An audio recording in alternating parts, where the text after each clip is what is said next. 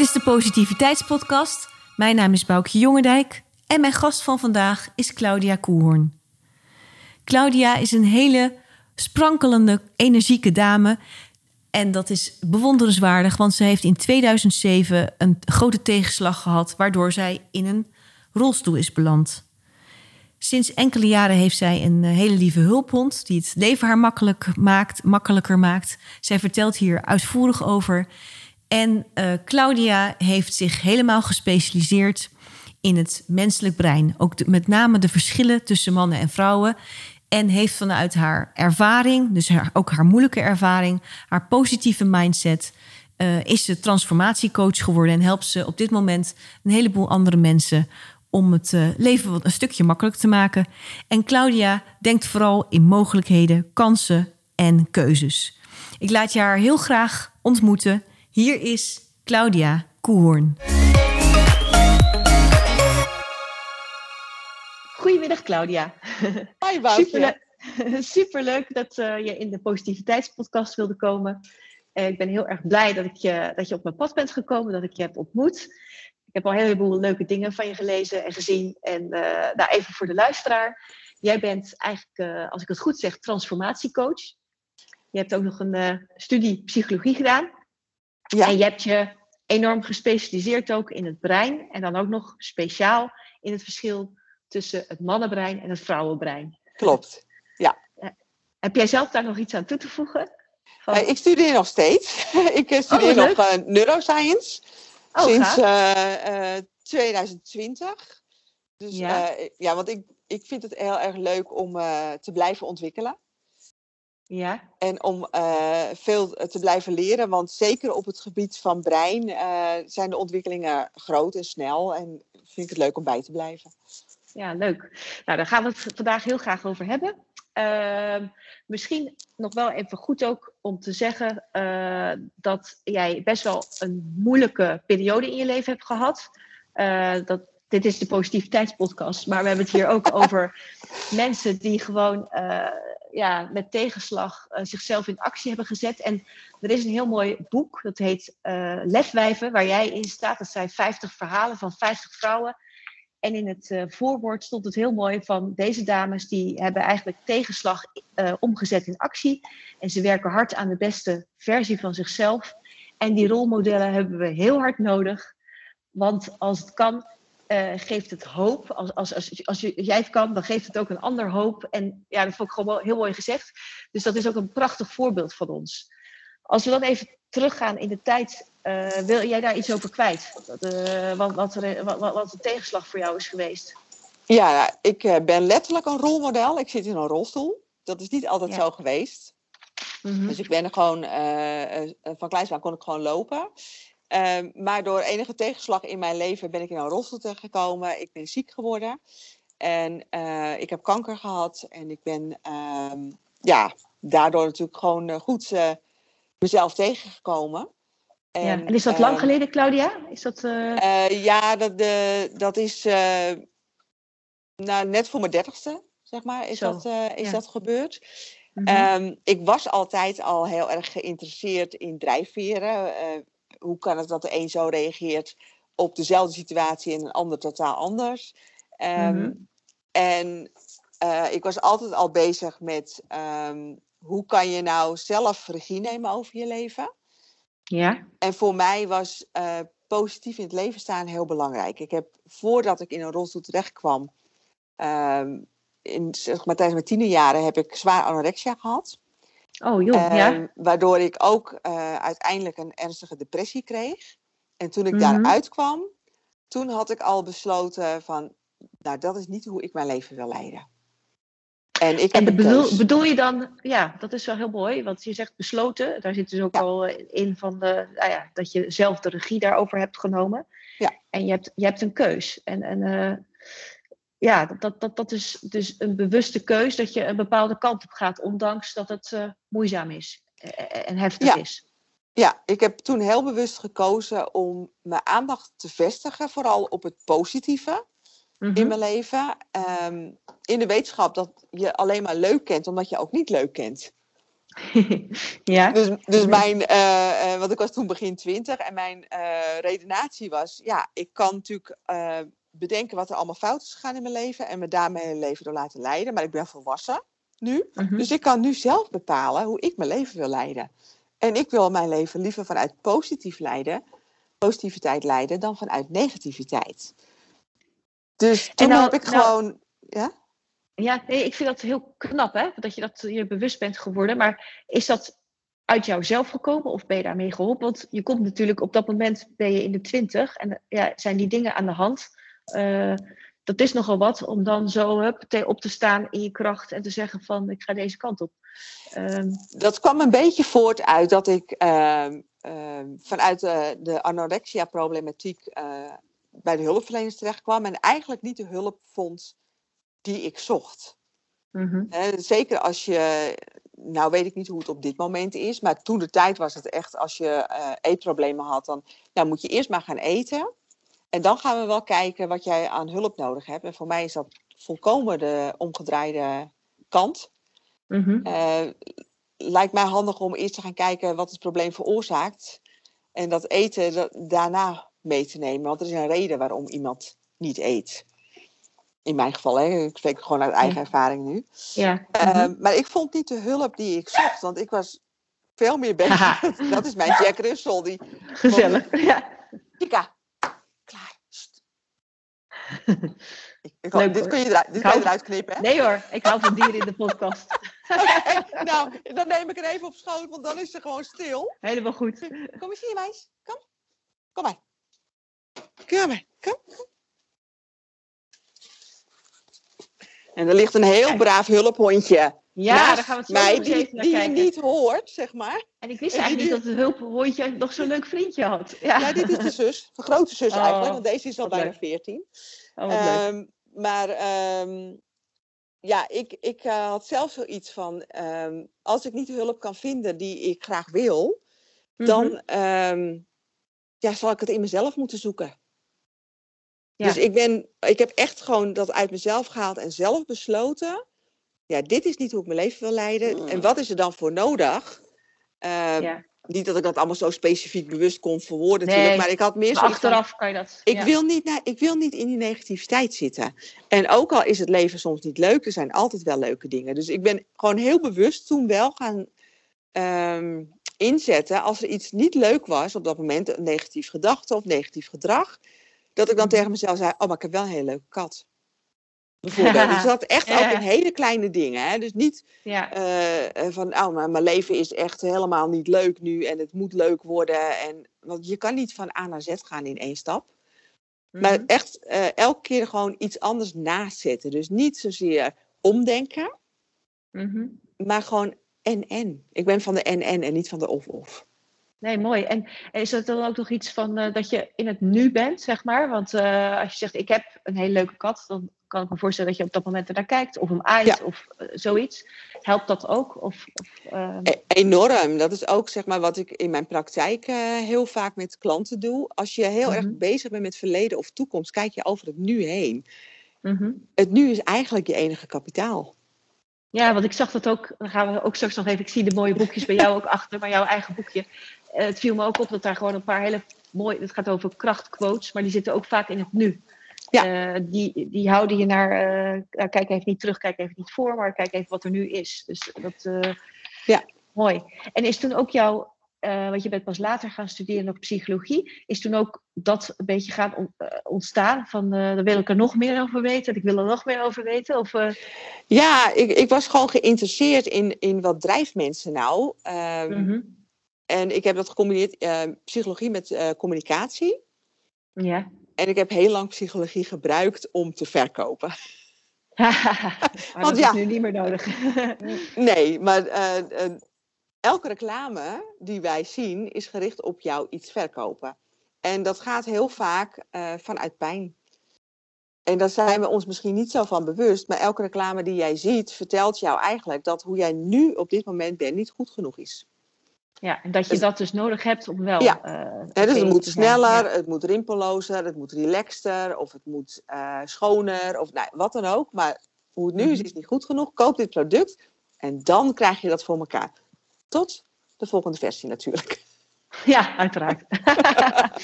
maar zo heb ik heel lang psychologie ingezet.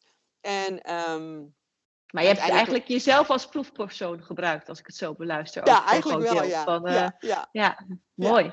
En uh, toen, toen eigenlijk, uh, dat heb je in, in die vroege jeugd meegemaakt, of in die, ja, toen je jong volwassen was.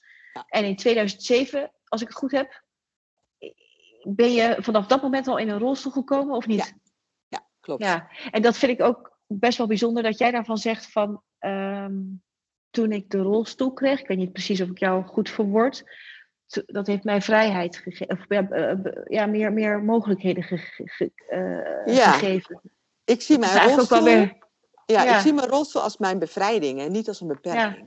Nee, dat vind ik heel mooi. En dat komt ook voort uit dat ik um, eerst problemen kreeg met uh, het ene been en toen met het andere been.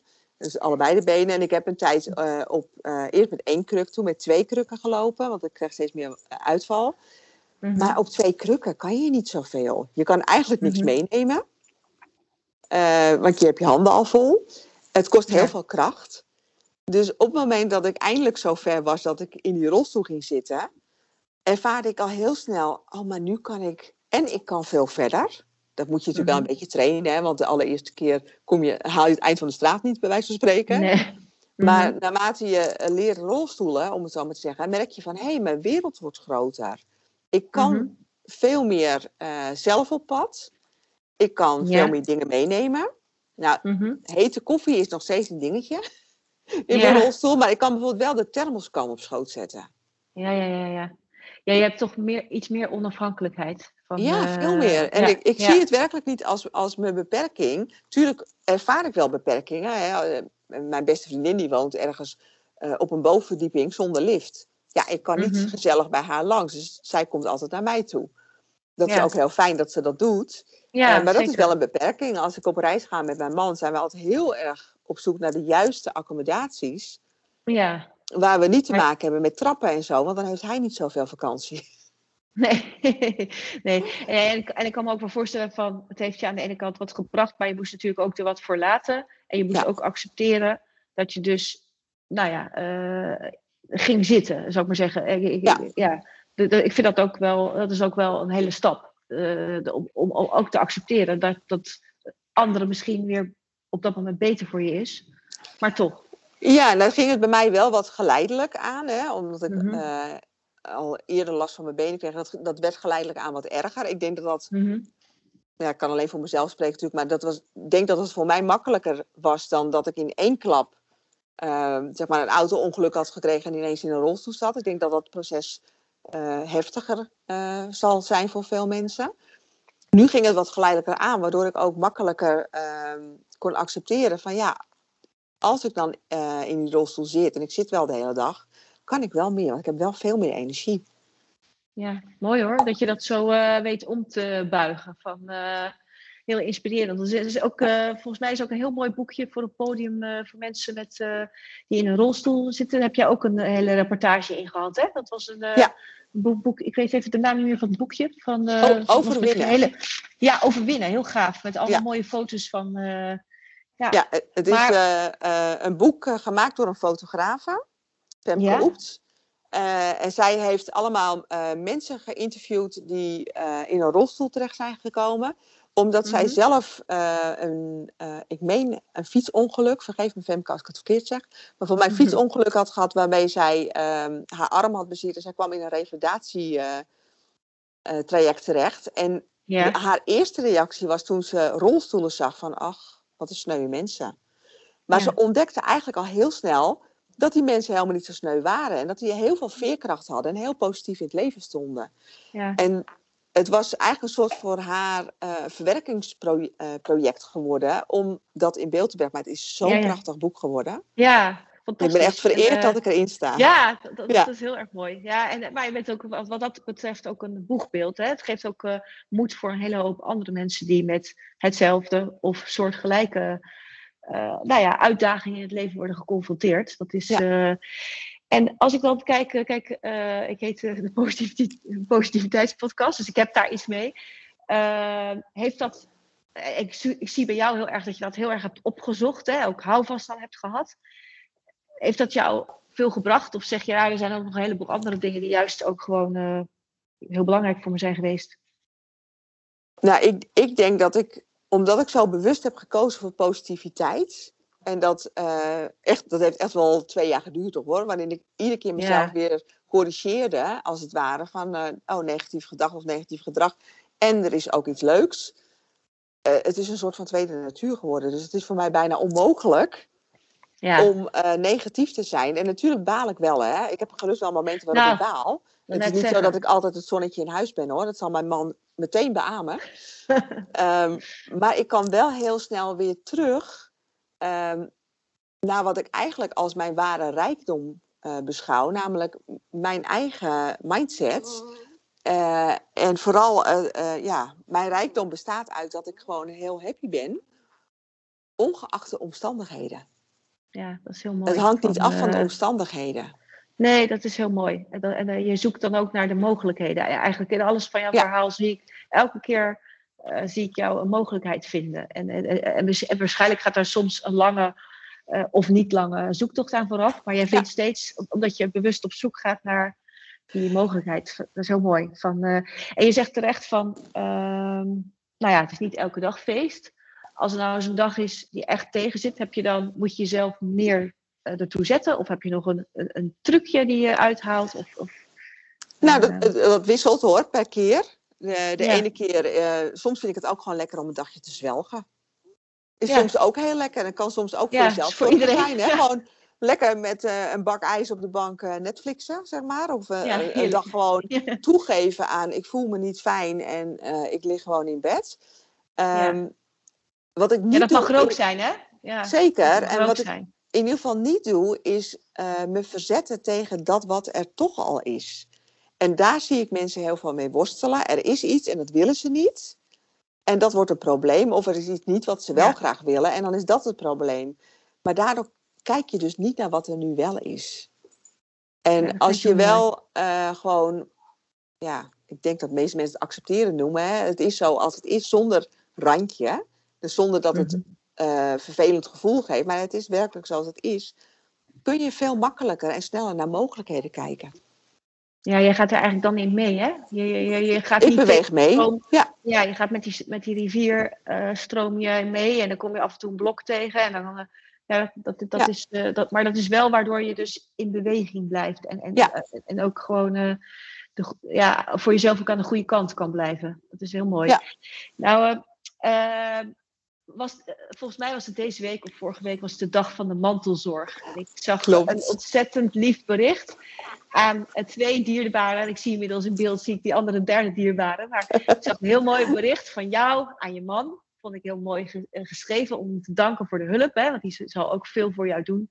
En ook aan een hele lieve hond, Katja. Want je Ja. hebt een hulphond. Ja. En uh, ik vind dat ook ja, tof om te zien dat je dan ook de hulp, zeg maar, aanvaardt en, en, en, en, en dankbaar bent. Uh, volgens mij heb ik je ook ergens horen zeggen of gelezen van het was in het begin ontzettend moeilijk om de hulp aan te nemen. Oh ja. Ja, oh ja. ja, ja. Als er ergens negativiteit in mij zat, was het uh, op dat gebied. Want ja. uh, ik ben heel lang, uh, ja, uh, zat ik in de staat van ik moet het allemaal zelf kunnen. Mm -hmm. En hulp aannemen is zwak. Hulp vragen doe je sowieso niet. Ik bood het wel aan, hè. Ik was heel erg van de hulpvaardiger, maar niet van ja. het aannemen. Uh, en ik realiseerde me eigenlijk niet dat ik het niet alleen mezelf daar heel moeilijk mee maakte, maar ook mijn directe omgeving. Mm -hmm. En op een gegeven moment kwam ik in de situatie dat ik eigenlijk niet anders kon dan dat ik hulp moest vragen, omdat ik gewoon op bed lag en ik kon gewoon niks meer. Dus ik oh. moest wel hulp gaan vragen. En toen ben ik ook voor mezelf uh, gaan denken van, goh, hoe kan ik het nou voor mezelf uh, zo makkelijk mogelijk maken dus de, de, weg van de minste weerstand, om wel hulp te vragen. En toen dacht ik, ja, hoe vaak bied ik zelf mijn hulp aan? Ja, best wel vaak. Ja, waarom doe ik ja. dat eigenlijk? Ja, dat geeft me een fijn gevoel. Ja. Dus als mensen hulp aanbieden, dan uh, doen ze dat omdat het ook voor hunzelf iets oplevert. Niet bewust zo, maar gewoon, ja, het geeft je een prettig gevoel. En je doet het omdat ja. je iemand iets gunt. Ja. Daarom doe ik het ook. Dus mhm. als dat zo is, dan is het eigenlijk heel onaardig om hulp af te wijzen. Want iemand biedt het aan. En ik vind zelf ook, als, als ik me hulp aanbied en iemand zegt nee, vind ik dat eigenlijk niet zo leuk. Nee. Dus ik was gewoon met mezelf in gesprek, als het ware, hierover.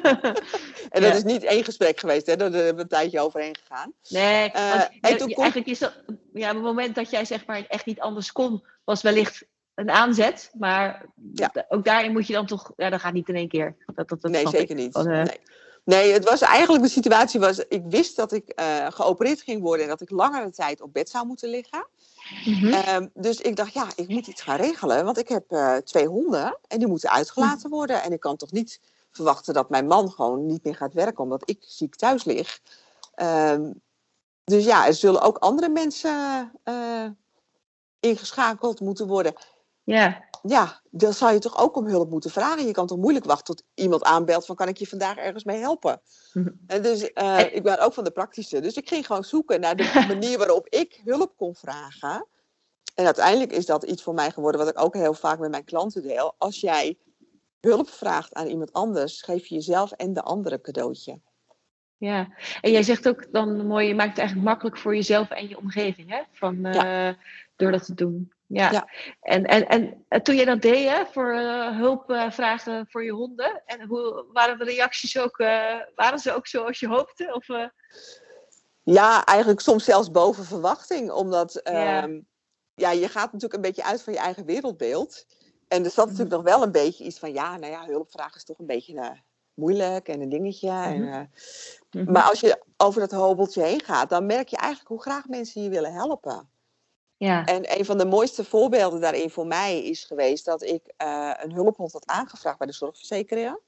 Dat niet ja? toegewezen kreeg. Het was niet Katja, maar Rocco. Rocco was mijn eerste hulphond. Dat was je eerste hond, hè? Ja. Ja. Mm -hmm. uh, dus ik kreeg geen vergoeding, maar in mijn hoofd had ik die hond al.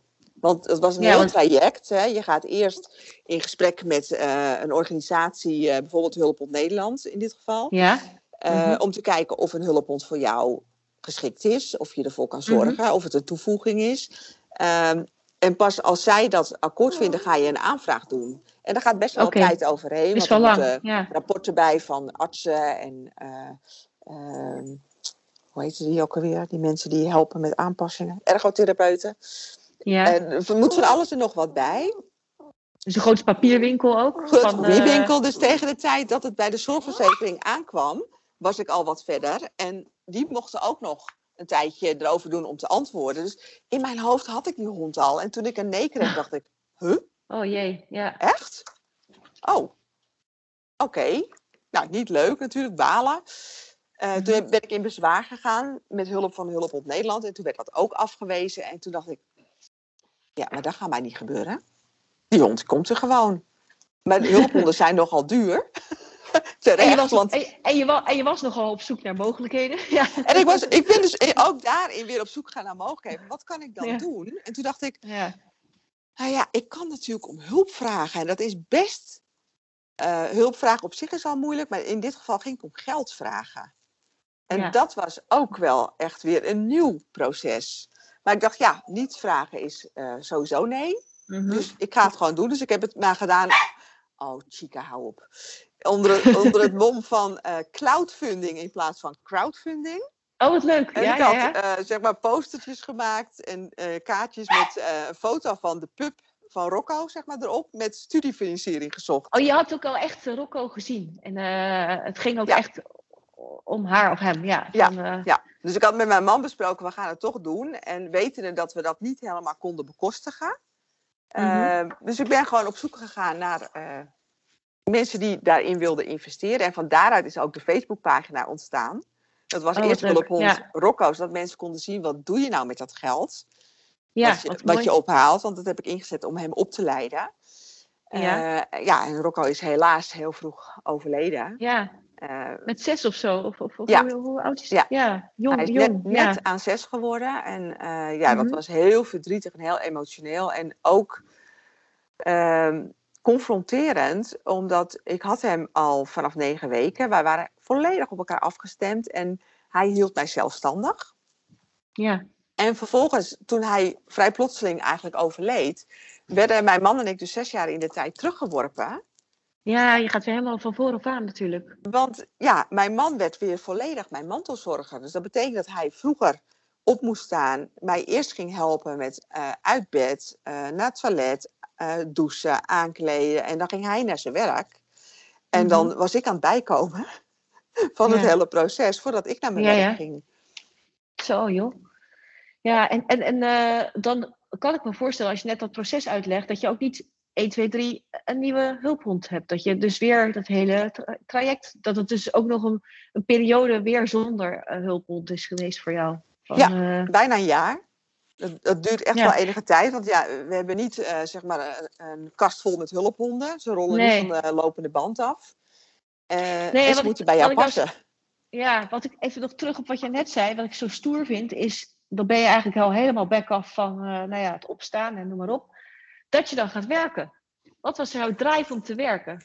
Ja, Want dat vind ik gewoon wel echt knap. ik hou enorm van mijn werk. Mhm. Eh, eh, mijn werk geeft mij enorm veel voldoening, want ik help mensen, met name vrouwen. Hè. Ik ben gespecialiseerd in het verschil tussen mannen- en vrouwenbrein. En ik gebruik een specifiek op het vrouwenbrein gerichte methodiek. Om vrouwen vooral te verlossen van eh, zelfkritiek, niet goed genoeg voelen, onzekerheid, angsten, dat soort dingen. Dus ja, ik heb heel veel resultaat. Dus dat is ontzettend fijn. Dus als ik een, een Ja. sessie heb gehad met een klant, dan ehm, kan zij bijvoorbeeld huilend binnenkomen, maar ze gaat lachend weg. En dat geeft Ja, natuurlijk dus je- een enorme boost. Ja, dus jij helpt mensen en je hebt een stuk zingeving en eh, noem maar op. En Ja. even nog terug dan naar jouw hond. Gaat jouw hond dan mee naar... Ja, die, gaat, die is eigenlijk onafscheidelijk van jou, je hulphond. Ja. Hoe eh, gaat dat? Ze is altijd mee, Ja. dus eh, ze ligt nu ook naast me. Ja, en, en wat je vertelt net van in de periode dat er niet zo'n hulphond was voor jou, ging je man allemaal doen. Maar ik heb voor jou ook op een gegeven moment begrepen van ze haalt je uit bed, maar ik kan me daar helemaal niks bij voorstellen. Dat, wij hebben ook een hond en die komt mij 's ochtends gedag zeggen met zijn neus. Maar ik heb dan, dan zit ik na te denken, hoe zou die hond mij uit bed halen? Ja, hoe doen ze Eh, dat? Ja, Nou, dat is een heel proces. wil, je hè, dat om- vertellen of niet? Ja, ik weet Ja, niet. zeker. Ja, de- Het is een heel proces om het aan te leren.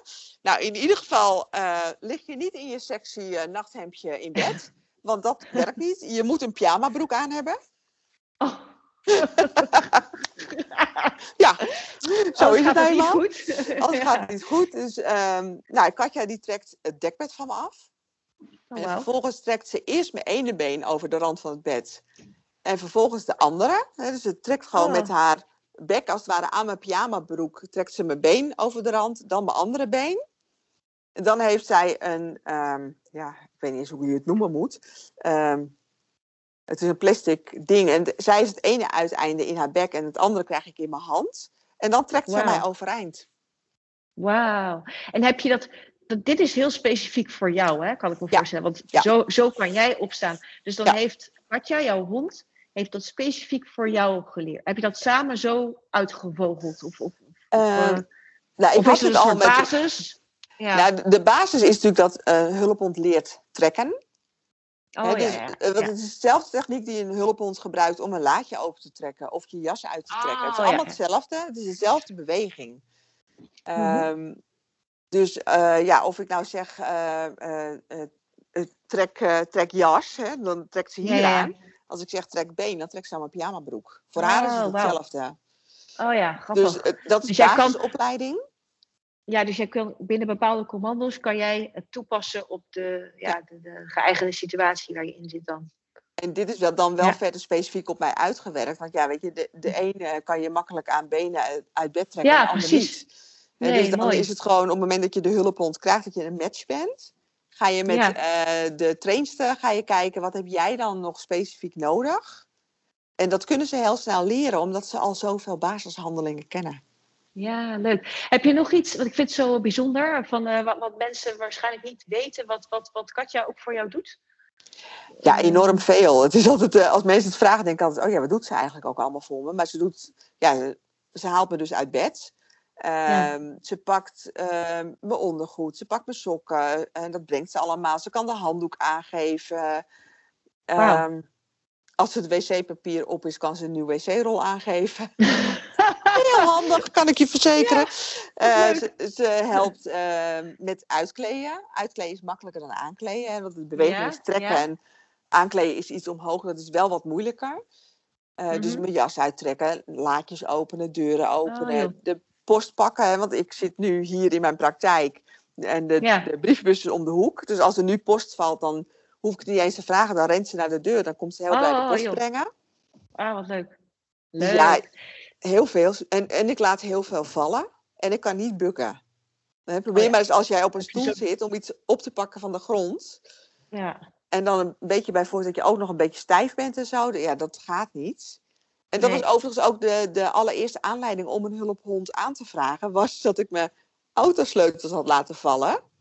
En die Oh. rolde een heel klein stukje onder de auto. Oh, maar voor joh. mij was het onmogelijk om daarbij te komen. Dus ik Ja, heb een ja, hele ja, tijd ja. staan wachten tot er een eh, argeloze voorbijganger eh, voorbij kwam. Die zei, help!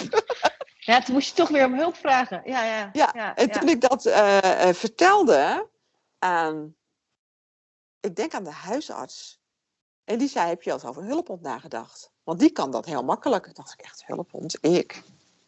Hoezo? Was je al een hondenliefhebber? Of, of, eh, Ja, ik had wel al eerder eh, honden gehad. Maar dat is, ja, je Ja. moet honden wel leuk vinden. Of in ieder Ja. geval eh, in je omgeving willen hebben. Ja. Nou, mooi dat je zo'n bijzonder maatje hebt. Ja, heel mooi. Ja, en Katja is een fantastische ehm, opvolgster hoor, van Rocco. En Kat- Katja, van, of, hoe is het met Katja? Zijn er nog als mensen een hulphond zien dingen waar ze rekening mee moeten houden? Of, of, of eh, hoe gaat dat? Ja, een hulphond. Eh, want ze is natuurlijk specifiek, voor jou. En, Ja. eh, mag je er aaien? Mag je... elke hulphond kan je herkennen aan een hesje. Hè, of van KGF. Hè. Katja heeft zo'n paars hesje van KGF. Eh, Hulphond Nederland heeft een blauw tuigje. En er zijn nog een paar andere organisaties in Nederland. Maar een hulphond herken je aan een tuigje. En vaak Ja. staat erop niet afleiden. Nou interpreteren mensen dat heel vaak als... ik mag jou niet aaien. En wat gebeurt er nou als mensen op een kleine afstand gaan staan... en tegen Katja zeggen... ja, ik vind jou heel leuk, maar ik mag jou niet aaien. Oh, Dat is wel afleiden, want die hond is op dat moment denkt, oh, er wordt tegen me gepraat, wat gezellig, en die gaat niet meer op mij letten. ja, dat is het. Het gaat erom dat, dat ze volkomen gefocust blijft op jou. Hè? Dat, dat Ja. is, eh, Als ik de laat vallen, Want als, jij iets nodig hebt. Ja. Ja, ja, ja. ja. En bijvoorbeeld, je kan je voorstellen, als een, eh, en want een hulphond kan ook iemand eh, met PTSS helpen, dat op het moment dat die hond afgeleid wordt, iemand met posttraumatisch stresssyndroom zich heel onveilig voelt.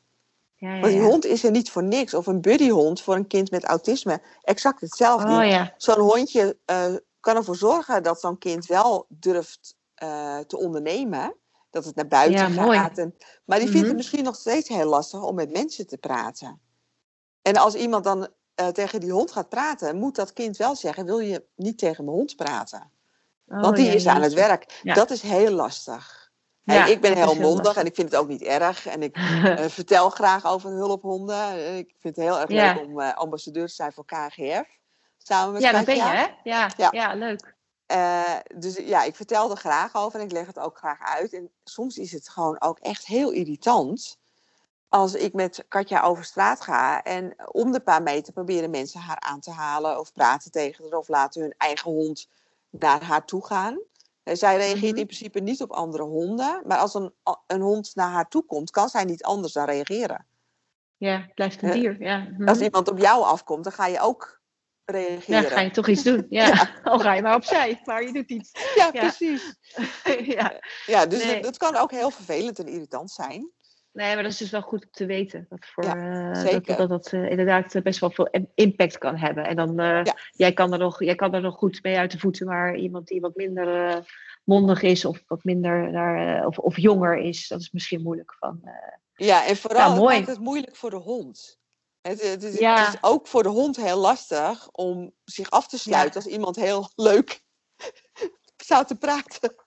ja, En gelukkig wordt het eh, wel steeds bekender. Hè? Er zijn steeds meer mensen, en vooral kinderen. Ik hoor heel vaak kinderen tegen hun ouders op straat zeggen... dat is een hulphond hoor, daar mag je niet tegen praten. Nee, ik heb het idee dat ze ook op school wel eens eh, langskomen. Dat is eh Jazeker. leuk om, om Ja, uitleg te geven. Ja, ja, Ja. dat is heel mooi. Van, Dan heb ik nog een andere hobby van jou, eh, Claudia. Oh, het echt? brein. Nou, Het brein, ik ben zo- ja. ik ben zo benieuwd, hoe is jouw fascinatie voor het brein ontstaan? Nou, eigenlijk eh, vrij snel in het begin van mijn studie. ehm, ja, ja, psychologie gaat natuurlijk ook, ook over je brein. Het gaat over, ook over je lijf en de combinatie uh, daarvan. Ehm, maar wat ik fascinerend vond altijd al, was... Ehm, ja, uh, jongetjes reageren anders dan meisjes. Uh, jonge ja. mannen reageren anders dan jonge vrouwen. En dat blijft eigenlijk zo. Dus dat vond ik sowieso al fascinerend. En heel in het begin in mijn studie ontdekte ik al... moest je zo'n overzicht maken van alle bestaande methodieken... met de bedenker daarvan. En toen ik dat klaar had, dat overzicht, dacht ik, het zijn allemaal mannen. Het zijn allemaal mannen. Wat, uh, wat is hier wat, aan de hand? wat gek eigenlijk, hè? want iedereen kent Jung en Freud en uh, Piaget ja. en Maslow. En het zijn allemaal mannen. En uh, eigenlijk heel logisch, want mannen gingen veel eerder studeren. Ja. Dus konden ook eerder okay. publiceren en ook eerder dingen bedenken. Maar tegen de tijd dat vrouwen mm -hmm. gingen studeren, bestonden de grootste methodieken al. En eigenlijk elke methodiek die wij kennen, de grote methodieken, zijn door mannen bedacht. En dus oh, ook okay. op een mannenbrein gericht. En dat fascineerde mij, waardoor ik steeds meer over dat brein wilde weten. Het begon eigenlijk met, hé, hey, we hebben allemaal hetzelfde brein en toch doen we anders. Ja, uh, goede vraag. En het brein op zich vond ik ook fascinerend, want hoe kan het dat er ergens in je lijf iets um, wordt gemaakt, een stofje, mm -hmm. hè, hormonen, uh, dat die jouw hele systeem onderuit kunnen halen? Ja. Dat vond ik fascinerend. Ja, dus daar ben je helemaal in gaan verdiepen. Ja. Uh, heb je een verschil ontdekt tussen de heren en uh, dames brein? Of, zeker. ja, ja, zeker. Ja, ja. Maar, ik weet niet of dat uh, in, uh, in Jip en Janneke taal uit te leggen is, maar ja. is, het, is het anders gebouwd? Of waar, waar moet ik aan denken? Nou, fysiek, biologisch gezien is het verschil heel klein. Er zijn er eigenlijk meer overeenkomsten dan verschillen. Mm -hmm. uh, er zijn eigenlijk maar een paar verschillen. Uh, het mannenbrein is groter. Gemiddeld is het vrouwenbrein een onsje, een onsje lichter. Dames niet zo heel veel. Oh, een onsje, 100 gram. Gemiddeld hebben vrouwen ongeveer 19 miljard zenuwcellen in hun hersenen en mannen 23 miljard. Dus daar zit een verschilletje in. Dat compenseren wij heel goed, dames. Omdat wij meer uitlopers hebben aan onze zenuwcellen waardoor we sneller verbinding maken. En onze verbranding in de hersenen is wat uh, groter, oh. waardoor we ook weer sneller verbinding maken. Dus de, de biologische verschillen zijn eigenlijk heel klein. Mm -hmm. Maar in de dagelijkse praktijk weten we natuurlijk heel goed dat er wel degelijk verschillen zijn. Uh, en die uit zich bijvoorbeeld in dat jij wel stofwolken ziet liggen en hij niet. of dat jij uh, denkt, nou, je ziet dat toch op de trap liggen en toch neem je het niet mee. Oh, dat heeft met de hersenen te maken? Dat heeft met de hersenen te maken, ja. Uh, um, een, een deel ervan zit in communicatie. Dat we gewoon niet altijd even duidelijk zijn in wat wij willen, omdat we denken dat die ander wel een glazen bol heeft. Mm -hmm. uh, en dat Dan bedoel je de communicatie van de vrouw, bedoel je? Dat dat niet... Uh, of, of, of met communicatie naar elkaar hoor. Maar ja, oké. Okay. Mm -hmm. vanuit ons brein willen wij de wereld om ons heen zo snel mogelijk begrijpen. He, er gebeurt iets en dan willen we weten wat we, wij moeten doen of wat we kunnen verwachten. Mm -hmm. Dus wij hebben geleerd om kaderen aan te brengen, zodat we heel snel snappen wat er gebeurt. Heel handig, want daardoor weet jij waar ter wereld ik ook ben. Voor een rood stoplicht moet ik stoppen. Ja. Bijvoorbeeld, hè? of uh, mm-hmm. een, uh, uh, een aanstormende vrachtwagen is gevaar. Dus we moeten aan de kant. Um, dus we kaderen heel snel, maar we kaderen wel vanuit onze eigen, hoe wij, onze eigen bril eigenlijk, hoe wij de wereld zien. Nou, een groot verschil tussen mannen en vrouwen is hoe wij emoties ervaren um, en verwerken. Oké. Okay. Dus uh, in de praktijk hè, uh, kan je dat bijvoorbeeld zien. Uh, een man gaat uh, een hele tijd vissen met, met een bepaalde maat, dus met zijn vismaatje. En die eh, zegt op een gegeven moment: Ik ga niet meer mee vissen. Want ja, vaak geeft ze niet eens een reden. Ik ga niet meer mee vissen. ben er klaar mee. ja, whatever. Ik ga niet meer mee vissen hoor. En, en dan denkt die ander: Oh, nou ja, prima joh. Als jij er geen zin meer in hebt, of weet ik het wat. En die gaat een nieuw vismaatje zoeken. Bij vrouwen gaat het heel anders. heel anders, oh, ja, joh. Nou, vrouwen, um, sowieso zeggen wij niet snel, uh, ik wil niks meer met jou. Mhm. Eh, we gaan heel erg uitleggen. Mhm. We gaan redenen aandragen. Want ja, stel je voor dat je iemand kwetst. En eh, dat kan eigenlijk allemaal niet. Hè? Dus we gaan ons in allerlei bochten wringen. En wat vrouwen totaal anders doen dan mannen is het op zichzelf betrekken. Dus waar een man het bij de ander kan laten, gaat een vrouw het van zichzelf maken. En ik weet niet of je dat herkent. Um, ja. Maar stel uh, dat iemand tegen jou zegt: uh, Weet je wel dat ze jou niet leuk vindt? He, want vrouwen ja. zeggen niet rechtstreeks, maar ze zeggen: Weet je wel dat nee, ze jou niet zo leuk vindt? dat jij dan denkt: Zo niet, ik ben toch hartstikke leuk? Ik doe toch, ik, eh, ik doe toch mijn uiterste best? En dan ga je of je gaat heel erg je best doen om het toch voor elkaar te krijgen dat ze je leuk vindt. Of je denkt, nou vind je mij niet leuk, vind ik jou ook niet leuk, doei.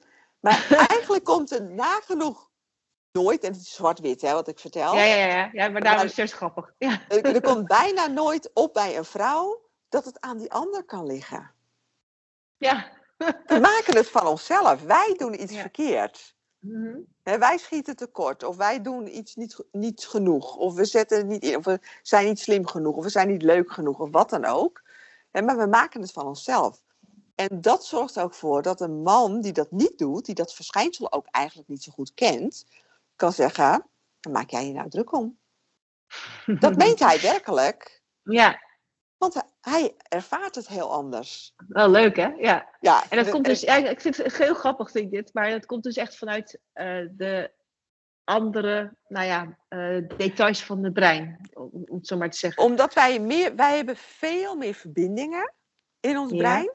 Um, Ja. Dus wij, wij koppelen dingen sneller aan elkaar en vervolgens aan onszelf. Ehm, Terwijl daar eigenlijk helemaal geen connectie hoeft te zijn en geen verband Nou ja, hoeft te zijn. Ja. dat, die connecties hebben wij gewoon. Die maken Ja. wij. Hè? Dus je kan Mhm. zien dat een vrouwenbrein is eigenlijk... Er gebeurt iets en alles staat zo met elkaar in verbinding... dat het als een kerstboom oplicht. Oh ja. Want alles, Mhm. allemaal lampjes gaan eraan tegelijkertijd. En bij een man gaat één lampje branden. Maar het lijkt me ook best relaxed als er maar één lampje gaat branden, vind je niet? Ja, en, en dat kunnen wij gerust ook wel leren. Want Ja. dat is wat ik doe in mijn praktijk. Ja, daar was ik benieuwd naar. Is dat dan ook wat jij, eh, wat jij ook probeert te leren? Van, eh, want, want kijk, ehm, jij helpt, als ik goed heb, jij helpt dames, heren, koppels, zag ik op je website. Ja. Eigenlijk help jij iedereen. Eh, maar heb jij specifiek nog dat je vanuit, dat of komen toevallig veel, veel dames bij jou? Wa- Hoe werkt dat? Ik, ik werk met dames, heren en koppels inderdaad. Maar mijn grootste Mhm. groep is dames. En eh, mijn social media bijvoorbeeld is ook helemaal op dames gericht. En dan gaat het over vrouwen die last hebben van onzekerheid, zich niet goed genoeg voelen, altijd eh, willen pleasen, geen conflicten willen, eh, geen grenzen durven stellen, eh, niet uit durven spreken. Nou, allemaal dat soort dingen. Dat kan echt, dat kan jou heel erg onderuit halen. Daar kan je heel veel Ja, last van hebben. Of in de weg zitten, ja. Ja, Mhm. en niet iedereen ziet het aan je, maar jij kan dan even goed nog ervaren dat het zo is. En sommigen zien het ook aan je. En als jij heel Mhm. onzeker bent en dat ook zo uit, krijg je een hele andere reactie van mensen dan dat jij wat meer zelfvertrouwen hebt. Mhm. Dus de meeste dames komen bij mij terecht omdat ze zoiets hebben van ja, ik heb hier al zoveel last van, al zo lang. Ik heb al heel veel geprobeerd. Ja, ze hebben therapie geprobeerd, of NLP, of zelfhulpboeken. En, en het werkt wel, maar het werkt tijdelijk, of het werkt niet 100%. En dat ligt niet aan de dames, dat ligt niet aan de vrouwen, het ligt niet aan jou. Het Mhm. zit hem in dat het stukje emotie, wat voor ons zo belangrijk is, waar wij door worden aangedreven als het ware, niet wordt Mhm. opgelost met die methodieken. En wat er eigenlijk gebeurt in, ehm, in eh, cognitieve therapieën, is, Mhm. nou, we leren een patroon inzien, we Ja. zien daar een emotie bij, en die benoemen we, Mhm. Mhm. maar die stoppen we eigenlijk daarna in een laadje. Daar doen we niet zoveel mee. Dat noemen we dan een plekje geven. En bedoel je dan ook echt dat hij weg moet of zo? Of bedoel je met, met in een laadje dat, hij, dat je hem juist echt helemaal weg moet halen? Of, of- Nee, eh, dat, dat, eh, dat is zeg maar wat er gebeurt in, in, in therapie. Hè? Dus, eh. Ik heb zelf ook heel lang zo therapie gegeven overigens hoor. Maar Mhm. ik ben daar dus helemaal van afgestapt. Je kan iedereen een patroon in laten zien. Hè? Als psycholoog. Mhm. Je kan iedereen de emoties laten benoemen die daarbij komen. Voor de ene is dat wat moeilijker dan voor de ander. Mhm. Maar je doet er niks mee. Dus die emotie blijft bestaan. Dus als overlevingsmechanisme stoppen we dat in een laadje. Zo kan je het een ja. beetje zien. En jouw brein is eigenlijk vol met laadjes. Ja. En mannen kunnen, dat, uh, anders, kunnen daar anders mee omgaan dan vrouwen. Die kunnen namelijk één laadje openen, de andere laadjes dicht laten. Mm en alleen bespreken wat er in dat laadje zit. Terwijl wij trekken meerdere laadjes altijd open, want we halen er van alles bij. En mannen kunnen een laadje dicht laten. Helemaal dicht laten. Terwijl bij ons zit er een springveer op. dus op het moment dat jij uh, het heel druk hebt en geen overzicht, of je hebt gestrest, of je bent al niet lekker, dan springen er laadjes open. En vaak op het moment dat je er net niet op zit te wachten, en als je pech hebt, meerdere laadjes tegelijkertijd. Ja, ja. Nou, wat ik doe in mijn werk is, die laadjes springen open omdat wij koppelingen maken. Ja, wij koppelen emotie aan alles de hele dag door. er gebeurt iets, uh, iemand zegt iets of doet iets of laat juist iets en wij koppelen emotie aan. dus eh, stel jij komt uh, een ruimte binnen ehm, en één persoon kijkt naar jou en doet dit, dan gebeurt er wat in ons systeem. Hè? En als iemand jou helemaal uitcheckt van top tot teen met een bepaalde blik erbij, dan koppelen wij daar 9 van 10 keer afwijzing aan. Mm En op het moment dat jij dat vertelt aan je man of aan een vriendin, koppel je opnieuw afwijzing. Wordt die sterker. Ja, wordt die verdubbeld. Ja. Wordt die verdubbeld. En op het moment dat jij erover praat of er alleen maar aan denkt, komt er uit je komt nog eens een, keer. een reeks andere gebeurtenissen omhoog die diezelfde emotie hebben oh. opgeroepen. En dan versterk je hem nog een keer. En dat verklaart waarom het bij vrouwen stapelt. Want dat is specifiek iets wat vrouwen doen, over het algemeen. Waardoor op een gegeven moment hoeft er maar dit te gebeuren, zit jij in die emotie. En wat ik doe in mijn werk is die koppelingen weghalen. Oh, oké. Maar niet alleen weghalen, vervangen door mhm. wat anders. Want als we iets oh. weghalen, hebben we een gat, kan er weer nieuwe shit kan in. je het laadje weer. Zeggen. Maar dat willen we niet. We willen maar je stopt iets leuks in het laadje. ja, en eigenlijk uh, stop ik er niks in, maar mijn klant.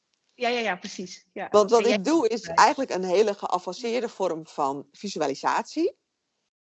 Want op het moment dat iemand een probleem aan jou vertelt, mhm. weet jij heel vaak een oplossing, toch? Ja, meestal wel. Ja, die komt ook op. En daar twijfelen we eigenlijk ook niet aan. Hè? Die komt op en dan zeggen we het eigenlijk al. Mhm. En dat komt omdat je met afstand kijkt. Je kijkt met afstand naar iemand anders. Dus je kan veel makkelijker uh, bij de oplossing komen. Want letterlijk, uh, als je in emoties schiet, uh, word je een beetje dommer. Word je tijdelijk wat dommer.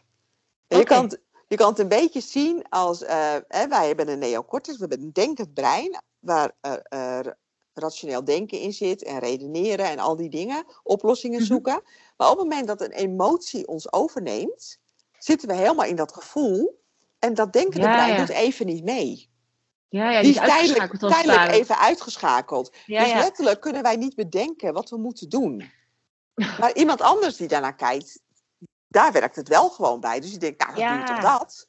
Stiekem Oh, kunnen wij zelfs denken dat je dat zelf niet ziet. Ja, ja, ja, ja. En dat eh, mechanisme, zeg maar, dat is de, eh, de onderliggende methodiek die ik gebruik, is om mensen te laten kijken naar iemand anders met haar problemen. Oh, Want dan, en dan ga ik heel snel vragen stellen, en het is eh, een hele notendop wat ik doe, zeg maar, hè, maar ga ik heel snel vragen stellen, waardoor je niet met je denkende brein gaat antwoorden, maar met je onbewuste, met je intuïtie. Want wij vrouwen hebben een hele sterke intuïtie. En Mhm. bij de meeste vrouwen die last hebben van onzekerheid of niet goed genoeg voelen of al die dingen, je hebt je hoofd, je hart en je onderbuikgevoel. Ja. En dat staat als het ware niet op één lijn. Dat staat in een rondje en je schiet van het een in het ander en kriskras. En dat blijft maar doorgaan. Mhm. En als dat op één lijn staat, kom je wel heel snel bij je eigen oplossing uit. Want jouw oplossing voor waar je last van hebt, is uniek voor jou. Mhm. Ja, We kunnen niet bij iedereen hetzelfde toepassen. Dus wat ik doe, is eigenlijk jou laten kijken naar iemand die jouw problemen heeft. Vervolgens eh, heel snel vragen stellen aan je, waardoor je niet echt meer tijd krijgt om na te denken. En gewoon intuïtief gaat antwoorden.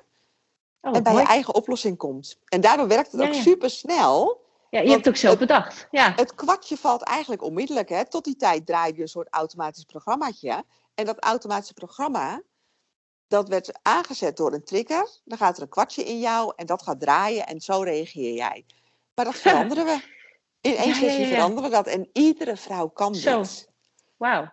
Want ik heb wel eens vrouwen die zeggen, ja, maar dat kan ik niet. En dan zeg ik, wat kunnen wij van nature heel goed, vrouwen? Visualiseren. Op het moment dat jij een huis gaat kopen, of huren. Zie het al voor je, ja. En het huis voelt goed, hè, want bij ons moet goed voelen. Bij mannen moet het dak goed zijn, en de muren en de fundering en de, weet ik het, en de locatie. Beetje zwart-wit dit, dit maar, uh, maar bij vrouwen moet het goed voelen. En op het moment dat het goed voelt, ben jij het al aan het inrichten. Als je, als je zwanger bent, dan zie je eigenlijk al je kindje voor je. En je ziet al je leven hoe dat dan is. En je kan het al bijna ruiken, bij wijze van spreken. Mm maar ook ehm, eh, als ik tegen jou zeg hey Boukje, uh, denk eens aan een groene appel. Dan zie je hem. Ik zie hem hoor, ja. Of uh, denk eens niet aan taart. ik zie een hele grote taart. ja, dus wij kunnen dat supergoed. Dus iedereen kan dit. Ja, leuk. Dus, maar wel mooi. Vrouwen die het idee hebben, ik ben niet te helpen. Of uh, ik heb alles al geprobeerd, dus ja, weet je, ik, ik hou ermee op. Trap er niet in er is iets specifiek op het vrouwenbrein gericht en op jouw emoties gericht om dat op te lossen. Het kan echt. Ja, En daarom word ik ook zo blij van mijn werk. Ja, ja, ik kan me wel voorstellen. Ja. Ik zet vrouwen in hun kracht, zeg maar. En ik doe dat ook met mannen die bij mij komen in coaching. Ja. Maar ja, dat is, het leukste wat er is. Ja, zeker. Is dat ook waarom je de, je hebt een heel mooi boekje Jij krachtquotes hebt geschreven? Om, om, uh, ja, hoe, is, hoe is dat tot stand gekomen? Van, nou, dat is eigenlijk tot stand gekomen uh, terwijl ik in het ziekenhuis lag. Oh joh, ja? eigenlijk niet zoveel kon. Dat was in coronatijd. En mm -hmm. ja, alles lag stil. De wereld lag stil. Mm -hmm. En toen dacht ik, ja, ik wil wel iets te doen hebben. Ik kan wel een boekje maken. Ik was al vaker gevraagd om een boek te schrijven, maar dat zie ik niet zo zitten, want dat kost heel veel mm -hmm. tijd en mhm. energie. En toen dacht ik, ja, quotes vind ik zelf heel leuk. Die gebruik ik ook, heel vaak. Ik gebruik ja. vaak bij mijn klanten. Hè. Dan, als ze me tussendoor uh, appen van, ja, ik voel het niet zo lekker in mijn vel. Of even, dan kan ik even snel een quote sturen van, goh, helpt dit leuk, ja. Uh. Dus ik heb eigenlijk gewoon mijn eigen quotes verzameld. En iemand uh, gevraagd om daar illustraties bij te maken. Ja. Mooi. Waardoor dit, dit boekje is ontstaan. Ja, en is er ook een quote die jou uh, met name heel erg aanspreekt? Van, uh, ze zijn, ik, ik vind ze heel mooi, hè? er zitten een heleboel dingen in van maakbaarheid en van nu. Ja. En over van jezelf houden en positieve gedachten. Uh, nou, je herkent ook veel van jouw verhaal in, in, in hele korte, krachtige en actie en in jezelf ja. geloven. Is er zelf nog eentje die jij, waar, je, waar, je, waar je voorkeur voor hebt? Of, ik heb, ja, ik heb zeker een voorkeur. Um, nou moet ik wel zeggen dat ik um, hem niet helemaal helder voor me heb, zeg maar. Dat ik hem misschien niet letterlijk zeg, maar mijn voorkeur gaat uit naar um, dat geluk een keuze is. Hè? En dat je niet dat laat afhangen van omstandigheden, maar dat je het zelf creëert. Ja, dat is heel mooi. Volgens mij, dat heb ik, want ik vraag meestal ook de gasten, ja. ik ben ook heel erg gek op quotes. En, uh, en, en, ik vind het woord krachtquotes ook heel mooi. Uh, je hoort tegenwoordig ook wel eens krachtspreuken. Uh, jij, wacht niet tot het leven jou gelukkig maakt. Maak de keuze gelukkig te zijn. Ja, echt heel mooi. Want het is ja. dus echt, daar zit heel erg die maakbaarheid en, en, en, en, ja. en, en ja, je, je, je regie pakken op. Sluit ja. ook heel mooi aan bij jouw verhaal. Ja, tof. Ja, ik word ook gewoon he meteen helemaal blij als je het zegt. Ja, ja, ja. ja, ja. Dat, maar het is ook gewoon, uh, ja, het zijn van die. Het heerlijke van zo'n quote vind ik, van het is zo kort, maar er zit zoveel in. En je kan het op zoveel manieren bekijken. Ja, heel, heel, heel fijn boekje. Ook uh, mooi, uh, mooi om cadeau te geven de, als presentje. Het is ook zo'n leuk formaat. Heel Dankjewel. leuk. Mag ik nog heel even terug... Ja, ja mag ik één ding zeggen over het boekje? van elk boekje wat ik verkoop, doneer ik een euro aan KGF. Ja, ik had het gezien. Heel graag. Ja, Omdat ik ja, andere mensen ook zo graag een katje gun die het nodig ja, hebben. Nou ja, fantastisch. En zeker als je hoort uh, wat, het jou, wat het jou brengt en wat, wat zo'n hond kan. is fantastisch. Mooi. Heel mooi dat je dat doet. Uh, ik heb nog eigenlijk wel, eh, ben nog heel eventjes benieuwd naar uh, dat brein. Want dat intrigeert me. Zoals je net hebt uitgelegd. Zo heb ik er nog nooit naar gekeken. Maar ehm, jij hebt ook een. ik had van jou een heel mooi e-book gekregen over negen gewoonten voor, ik lees het even voor, gezonde, gelukkige, goed, goed presterende hersenen. Ja. Ehm, nou, eigenlijk best wel tof, want uh, die hersenen, zoals je net ook al zei, hebben gewoon heel veel impact op hoe we ons voelen, wat we doen. Ehm, heb jij een tip hoe je nou in je brein een soort topconditie kan houden? Of wat, wat is er? Jij noemt in dat boek noem je een hele hoop uh, issues, hè? Slaap. Ik heb geen idee als je uh, die, als je nou echt bij aan de slag wil, wat is dan een van de belangrijkste dingen die gewoon heel veel impact hebben op je brein? Of op de Bewegen. Hersenen? Bewegen. Bewegen, ja. En het hoeft echt niet uh, in het zweet werken zijn. Mm -hmm. Um, maar we kennen allemaal het verschijnsel. Je bent heel druk in je hoofd of je bent gestrest. Je gaat het bos in of je gaat langs het strand wandelen en je komt tot rust. Ja. Mm -hmm. En uh, bewegen doet heel veel voor je lijf en voor je brein. En slaap is ook iets wat heel belangrijk is, want we weten allemaal, uh, als je niet goed slaapt, hè, vrouwen in de overgang, mm -hmm die herkennen dit mm -hmm. heel erg. Um, als je niet goed slaapt, en dat doe je een paar nachten achter elkaar, of zelfs een paar weken, ja. dan functioneer je niet meer. Want jouw brein is niet meer in staat om dingen op te ruimen. Dus, um, en wat, wat, bedoel je met opruimen? Uh, nou, Gedachten of. Uh... Nou, letterlijk hè, uh, kan je je brein een beetje als een tuin zien zeg ik altijd. Oh. ik hou okay. erg van, van beelden. Hè. Ik ben zelf ja, ik een enorme beelddenker. Dus uh, vandaar ja. dat ik ook vaak dit soort dingen gebruik. Maar je, je kan je, tuin, je brein zien als een tuin. En als jij ja. slaapt, wordt je tuin opgeruimd door een aantal tuinmannen. Die ja? komen eigenlijk gewoon langs. En alles wat jij gedurende de dag hebt gemarkeerd als... Nou, dat mag, mag opgeruimd worden. Dat is onkruid. Wordt opgeruimd. Maar op het moment dat jij niet goed slaapt ben jij niet meer in staat om die markeringen aan te brengen in je brein en gaat jouw tuin overwoekeren. En okay. dan heb je geen ruimte meer om nieuwe informatie op te nemen. Of kan jij niet bij informatie komen die je nodig hebt om in te mm-hmm. zetten op dat moment. En dan merk je dus dat mensen concentratieproblemen krijgen. Of oh, dat okay. ze zo uitgeput zijn dat ze zeggen: Ik kan niet meer denken. En je krijgt een kort lontje. Ja. Als je niet genoeg slaapt, dat, weten we allemaal, ja. Ja. dan word je minder flexibel, kan je minder hebben en hoeft er maar dit te gebeuren en je valt uit of je begint te huilen of nou, dat soort dingen. Dus dat geeft wel aan dat slaap heel belangrijk is voor ons brein, om je brein goed te laten functioneren. Oké, okay. en uh, volgens mij, jij gaf ook aan, stress is heel verkeerd voor het brein. Want wat gebeurt er met, bij stress? Uh, overmatige stress. Hè. Stress is, ja, ja, ja. is niet per definitie nee. verkeerd. Hè. Dat is, wordt nog wel eens een beetje mis uh, opgevat. Niet door jou, maar gewoon in het algemeen. Hè. Nee. Is dat altijd iets wat ik erbij zeg. Een beetje stress is helemaal niet erg. Nee, want dat brengt ook weer soms een stapje verder dat je net... Het maakt je alert. Het zorgt ervoor dat je iets wil veranderen. Dus een beetje stress is, is best wel oké. Okay. Mm-hmm. Um, je, je kan ook stress hebben als je in een kermisattractie stapt eventjes, maar dan doe je het toch en dan ervaar je ook gelijk dat het leuk is. Mm-hmm. Uh, dus stress is niet altijd verkeerd, maar overmatige stress, ja, dat wel. Want dan uh, gaat er ook vaak wat verkeerd in de hormoonhuishouding. Omdat je brein uh, niet meer goed kan functioneren, gaan uh, de hormoonproducties verstoord raken. Waardoor je mm-hmm. ook fysiek allerlei klachten kan krijgen. En dan hebben we het over bijvoorbeeld uh, veel meer cortisol. Of, of, ja, uh, bijvoorbeeld. Uh, ja. overmatige stress zorgt er eigenlijk voor dat jij niet meer kan ontspannen. En dat je continu in een vecht, vlucht of bevriesstaat bent. Dus je bent continu alert op gevaar. Ook als het er niet is, ben je nog steeds aan het oh, scannen. Ja. Staat, ja. Je staat helemaal aan. Ja, dat, dat, dat, ja, dus dat lichaam neemt geen rust. En dat is dan via ja. de hersenen is dat zo uh, ge geprogrammeerd, zou ik maar zeggen. Ja, precies. Oh, oh ja, ja, ja. Oké. Okay. Dus, uh, en da daarom zeggen wij ook, uh, iedereen die werkt met mensen die veel stress ervaren, van je moet tot rust komen, maar niet alleen maar rust. Blijf ook bewegen. Nou, een, ja, grootste voorbeeld hierin is natuurlijk Erik Sredder. Hè, die kan fantastisch vertellen over het brein. Als ik ergens enthousiast van word, is het van een college van hem, zeg maar. Ja, ja, ja. Uh, maar dat is natuurlijk ook een enorme voorstander van bewegen. Ja, ja. ja het is mooi. Van, uh, je hebt ook die, natuurlijk ook die, die wandelingen, ommetjes en noem maar op.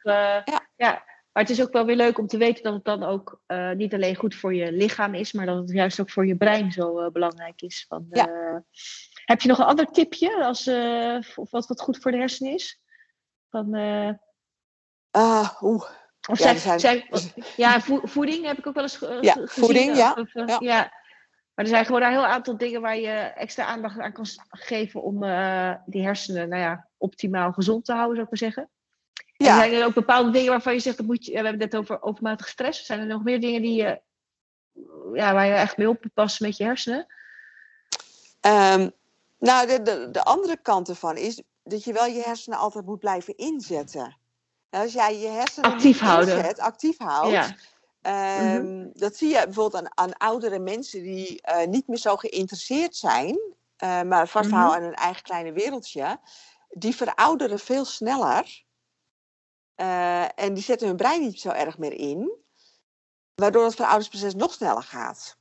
Ja, want dat, dat las ik ook. Dat, uh, dat het best wel belangrijk is dan ook om zingeving en doelen te behouden. Ja. Uh, dat je dus echt, echt nou ja, nog ergens naartoe aan het bewegen ja, bent. kijk, zingeving zorgt natuurlijk ook voor dat je een beetje levensvreugde ervaart.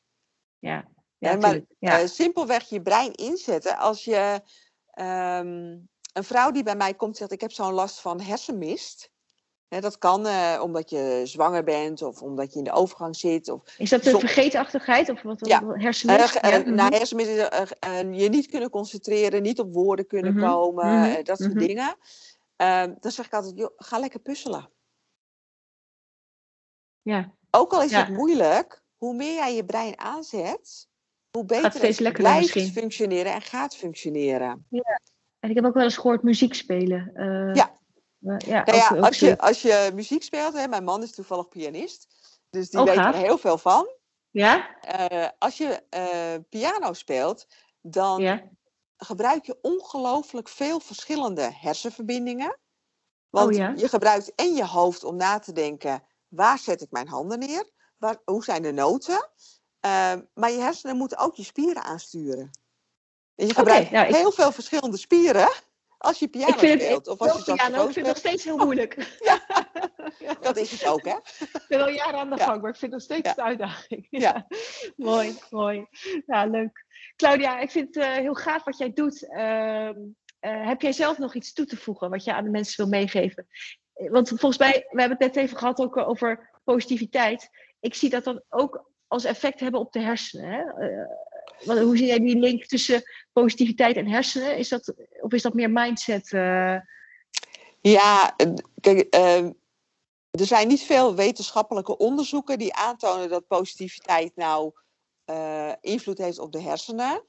Mm -hmm. Ik geloof wel dat je veerkrachtiger wordt als je positief bent. Ja, je bent het uh, levende voorbeeld. Ja, ja. ja mooi. En ja. er zijn natuurlijk wel interessante onderzoeken. Nou ben ik natuurlijk weer de naam van die onderzoeken kwijt, maar de, misschien komt het je bekend voor. Er is iemand die heeft onderzoek gedaan naar um, plantjes, waarbij de ene uh, heel veel positieve uh, woorden kreeg ja. en de andere helemaal niet. En wat er dan gebeurde. Dus er gebeurt echt wel iets in onze cellen. Ja. die plantjes die, die groeiden beter, hè? Pas, ja. ja. Mm -hmm. En simpelweg kan je natuurlijk al merken dat als jij positiviteit ervaart, dat je ook in je lichaam voelt dat je wat rechterop zit, dat je wat meer de wereld inkijkt, dat je het stroomt wat meer, zeggen mensen dan vaak. Ja. Terwijl als ja, je negatief bent, dan uh, krimp je een beetje in elkaar en ben je zo blij en dan, hè, dan voel je je ook een beetje, bleh, om het zo maar te ja. zeggen. En dat versterk je ook. En met je lichaamshouding kan je je hersenen heel erg beïnvloeden.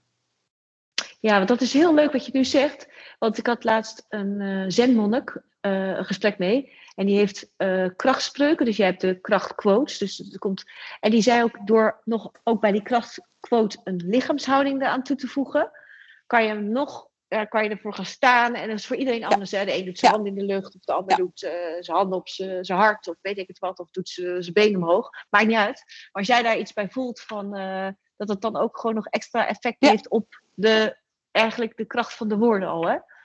Maar simpelweg uh, ook, hè? je kan je voorstellen, je, je, je hebt een beetje een dag. Een -hmm. dag. Dan -hmm. hangen je schouders. Mhm. Al, hè? Alles, je, je loopt een beetje traag. Alles gaat een beetje in slow motion. En ja. daar krijg je niet meer energie van. Nee, maar op het moment dat jij je dat realiseert en denkt, ik ga rechtop zitten. Ik kijk gewoon een beetje meer de wereld in. En ik ga gewoon wat energieker lopen. Voel je ook al dat er in je lijf iets anders gebeurt. Waardoor het ook makkelijk is om het vol te houden. Het stapje er naartoe is vaak heel moeilijk voor mensen. Hetzelfde als, ik heb geen zin om te sporten, want het regent, dus ik ga niet. Dus je gaat jezelf eigenlijk een beetje uh, klein maken. Terwijl als je vriendin ineens voor de deur staat en zegt: Hé, uh, hey, we gaan, we gaan sporten, ga je, ga je, mee? Oh ja, kom maar aan, los, uh, je pakt je tas en je bent weg. Dat is toch interessant? Ja. Ja, ja, is interessant. je doet iets interessants met die hersenen. leuk, heel leuk. Claudia, als mensen jou willen vinden, uh, waar kunnen ze jou vinden? Uh, via je website? Ze vinden me via mijn website uh, www.jou met een w jouwtransformatie.nl. Um, ik doe veel op Instagram. Ben ik heel actief. Facebook. Ja. allemaal onder jouw transformatie. Um, op mijn website kan je een aantal dingen gratis downloaden of bekijken. Ik heb een um, stap in je krachtvisualisatie. Als je even niet zo lekker in je vel zit, je weet het even niet en je, je bent aan het uitstellen, dan kan je die luisteren. En die helpt je om weer even in je kracht te stappen om actie te ondernemen. Ik ben erg van de actie, hè? Ja, heel goed. Um, het e-book waar je het net over had, is nu verkrijgbaar op mijn uh, website gratis. Negen gewoontes ja. voor gezonde hersenen. En ik heb een gratis masterclass zelftwijfel. Want heel veel oh. vrouwen hebben last van zelftwijfel en zelfkritiek. Dus als je daar meer over wil weten, die kan je gratis bekijken. Hartstikke leuk. En als je nog iets meer over jouw hond wil weten en leuke foto's wil zien, dan heeft hij zijn eigen Facebookpagina. Ja, Katja heeft haar eigen Facebookpagina en die heet Hulphond Katja. En Katja spel je dan K-A-T, Griekse I-A. Dus een beetje ja, op precies. Hulphond Katja. En daar staan ja. ja Hele leuke... onze avonturen op. Uh, en dat ja, kan leuke van een, van een foto tot uh, een video uh, waarin ze of over het strand rent of iets doet voor mij. Ik gebruik het gewoon om haar avonturen te delen, zeg maar. En om mensen ook ja. ja. wat mee te geven over wat doet een hulphond. En ja, wat betekent een hulphond voor iemand die daarvan afhankelijk is. Ja, heel mooi.